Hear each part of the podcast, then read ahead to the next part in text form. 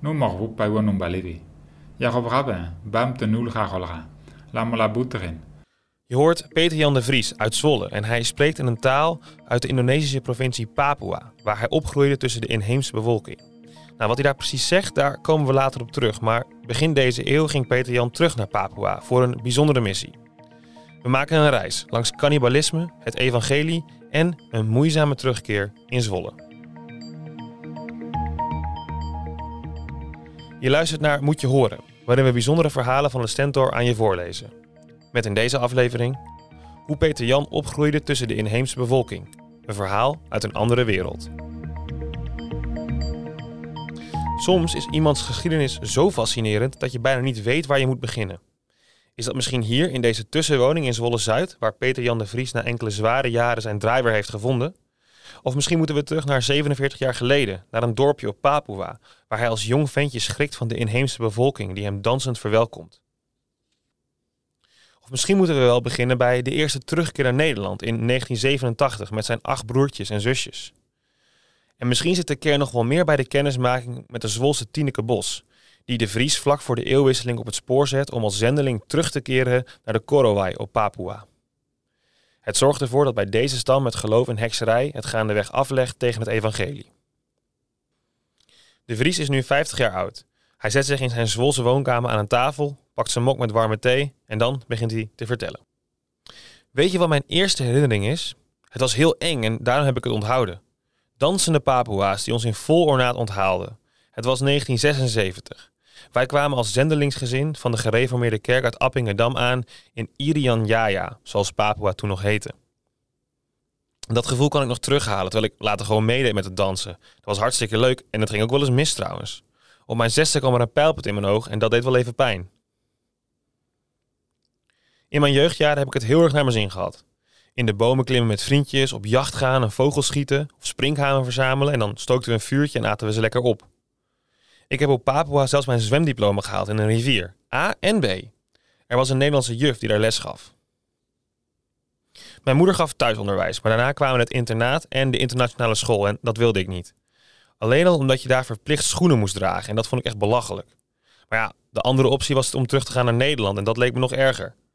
De keren dat we op verlof waren was het in Nederland koud en donker. Op Papua hoefde je nooit na te denken over de kleding. Een korte broek met t-shirt of blouse. En dat dan 12 maanden lang. Het was niet voor alle kinderen even makkelijk om over te schakelen op het Engelstalige onderwijssysteem van die internationale school. Dus gingen we in 1987 terug naar Nederland. We gingen naar Papua met vier broertjes en we vertrokken met negen broertjes en zusjes. En in Nederland kwam er nog een tiende bij. Nou, met die terugkeer belandt de familie de Vries eerst in Groningen en later in Vollehoven. Het leven van de dan 14-jarige Peter Jan gaat op de kop. Hij werkt zich in het Nederlands onderwijs op tot aan de Universiteit in Wageningen en hij studeert af als bioloog. Hij wil natuurbeschermer worden. Want alleen al de schoonheid van de ongerepte natuur op zijn Papua is daarvoor een drijfveer. Er worden namelijk op Papua ook nog steeds nieuwe flora en fauna ontdekt. Maar het loopt net even wat anders. Tineke Bos, die nu in 2023 ook in Zwolle woont, die komt bij de studentenvereniging van Peter Jan bevlogen vertellen over haar werk. En zij is bijbelvertaler in Suriname. Dan beseft de Vries wat hij echt wil. En dus keert hij begin deze eeuw terug. Met zijn vrouw namens de organisatie Wycliffe Bijbelvertalers. Hij gaat weer naar de meest oostelijke provincie van Indonesië, Papua. Daar wonen een kleine 3 miljoen mensen. En je moet het niet verwarren overigens met Papua Nieuw-Guinea, want dat is een zelfstandige staat aan de oostelijke kant van hetzelfde eiland. We gaan naar het dorpje Sinimburu, naar een houten huis op palen. Voor de Vries begint daar een missie die tot op de dag van vandaag doorloopt. Het woord van God voor de Korowai-stam op papier zetten, in een van de 275 talen van Papua. De Vries gaat verder met zijn verhaal en hij zegt er dit over. Mijn vrouw wilde ook graag naar het buitenland, dus ja, toen kwam bij mij direct de Korowai op. Een stam waarvan veel mensen nog niet bereikt zijn. En ik had al langer het gevoel dat op Papua mijn toekomst lag. Eerst dacht ik dat ik terug zou moeten als natuurbeschermer, maar het liep dus anders. Kijk, de tropische regenwouden worden bedreigd en aangetast, dat is verschrikkelijk. En het liefste kies ik helemaal niet. Maar uiteindelijk is voor mij het heil van mensen belangrijker. Dat zij tot geloof komen en Christus leren kennen. Dat is levensreddend en voor eeuwig. En als mensen hun hart veranderen, dan willen ze ook de natuur redden. De Korowai dat zijn zo'n 4000 mensen en ze spreken twee dialecten, maar slechts een heel klein deel van ze kan lezen en schrijven. Het leren van die taal dat is alsof je je hersenen verbouwt. Ik kreeg er hoofdpijn van, want het is ook een volledig andere taalfamilie. En er liggen op Papua geen boeken klaar om het te leren schrijven. Dus wij zijn naar de taalschool van Wycliffe Bijbelvertalers in Engeland gegaan. Daar leer je hoe je inzicht kan krijgen in de fonologie van een klank, de klankleer. En ik moest echt uitvinden waar zinnen beginnen en stoppen, waar je punten en komma's zet, echt keuzes maken voor de orthografie. Dat gaat nog verder dan het alfabet, want welke letters geef je aan bepaalde klanken? Welke woorden schrijf je aan elkaar vast? Doen ze wel recht aan de gevoelswaarde? Dat ben ik gaan testen. En als de Vries dat dan uitspreekt, dan klinkt het zo. Nu mag we bij wonen baleri. Ja, op rabben, bam te nul ga golga. La mola boeterin. Na ga bien milomi, die ga je rabben. Ave la mola buton, wavra bul ga bien milo gaili.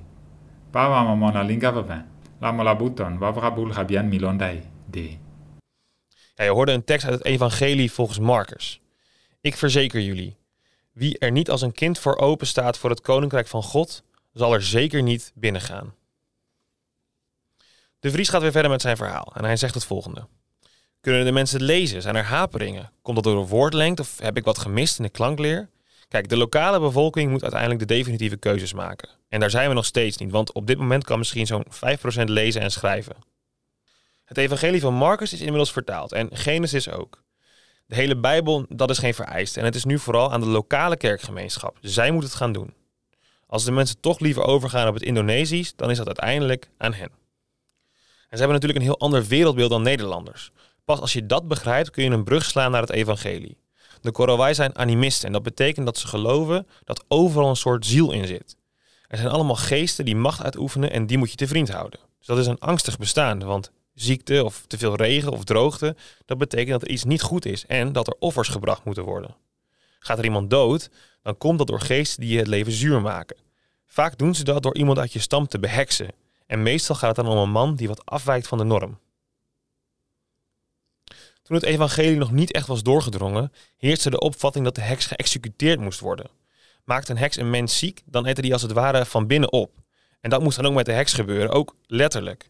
De zieke wees vaak op zijn sterfbed aan wie de heks was, en dat was meestal een familielid. En dan werd een naburige clan ingeschakeld om het uit te voeren. Een groot deel van de mensen in het dorp waar wij terechtkwamen heeft op deze manier vroeger meegedaan aan cannibalisme. Ik weet dat het bij ons in het dorp voor het laatst in 2003 is gebeurd. En in 2010 werd er nog een heks gedood. Vier jaar later was er ook nog een marteling. Sommige mensen die tot het christelijk geloof waren gekomen, waren er ook bij betrokken. Nou, toen ik daarvan hoorde, ben ik heel boos geworden. Het is niet mijn cultuur, maar ik kan nog altijd opstaan voor mensenrechten. En ik was heel teleurgesteld dat ze het recht in eigen hand namen, in plaats van het over te laten aan God. Uiteindelijk beseften ze dat wat ze deden niet goed was. En de gemartelde werd vrijgelaten.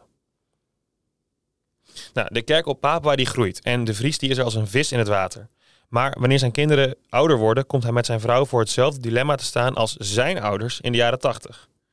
In 2018 kiezen ze ervoor om terug te gaan naar Nederland, zodat hun kinderen goed onderwijs kunnen krijgen. Nou, eerder zaten ze nog in Ommen, nu kopen ze een huis in Zwolle. Maar remigreren, dat valt ze zwaar. En de Vries zegt daar dit over. We werden uit onze vertrouwde omgeving gehaald. Ik had er mijn baan, mijn functie, mijn doel. En mijn leven stond ineens op zijn kop. In 2019 kreeg ik een burn-out en daarvan moest ik zo'n twee jaar herstellen. Dat was een heel zware tijd, maar ook wel leerzaam. Accepteren, je helemaal overgeven. Tegenwoordig ben ik milieuadviseur voor SIL International. Dat is een partnerorganisatie van Wycliffe Bijbelvertalers. En zo help ik lokale bevolkingsgroepen en zendingsorganisaties met natuurbescherming. Ook kan ik nog steeds parttime verder werken voor de Korowai. Daar ben ik net weer vier weken geweest. De Vries sluit af en hij vertelt nog dit aan ons. De argwaan die de Korowai tot het eind jaren 70 hadden bij de komst van zendelingen, die is wel verdwenen. En niet dat ze allemaal in Christus geloven, maar de cyclus van angst is doorbroken. Als ik er kom, ontvangen ze me alsof ik een van hen ben. Ben ik er niet, dan hou ik contact met ze via WhatsApp, zelfs met beeld. Want ja, een mobiele telefoon met internet, die hebben heel veel mensen inmiddels wel. Er staat sinds een half jaar een wifi-toren in het dorp. Dus helemaal afgesloten zijn ze niet meer. Maar ze wonen nog wel gewoon aan het eind van de wereld.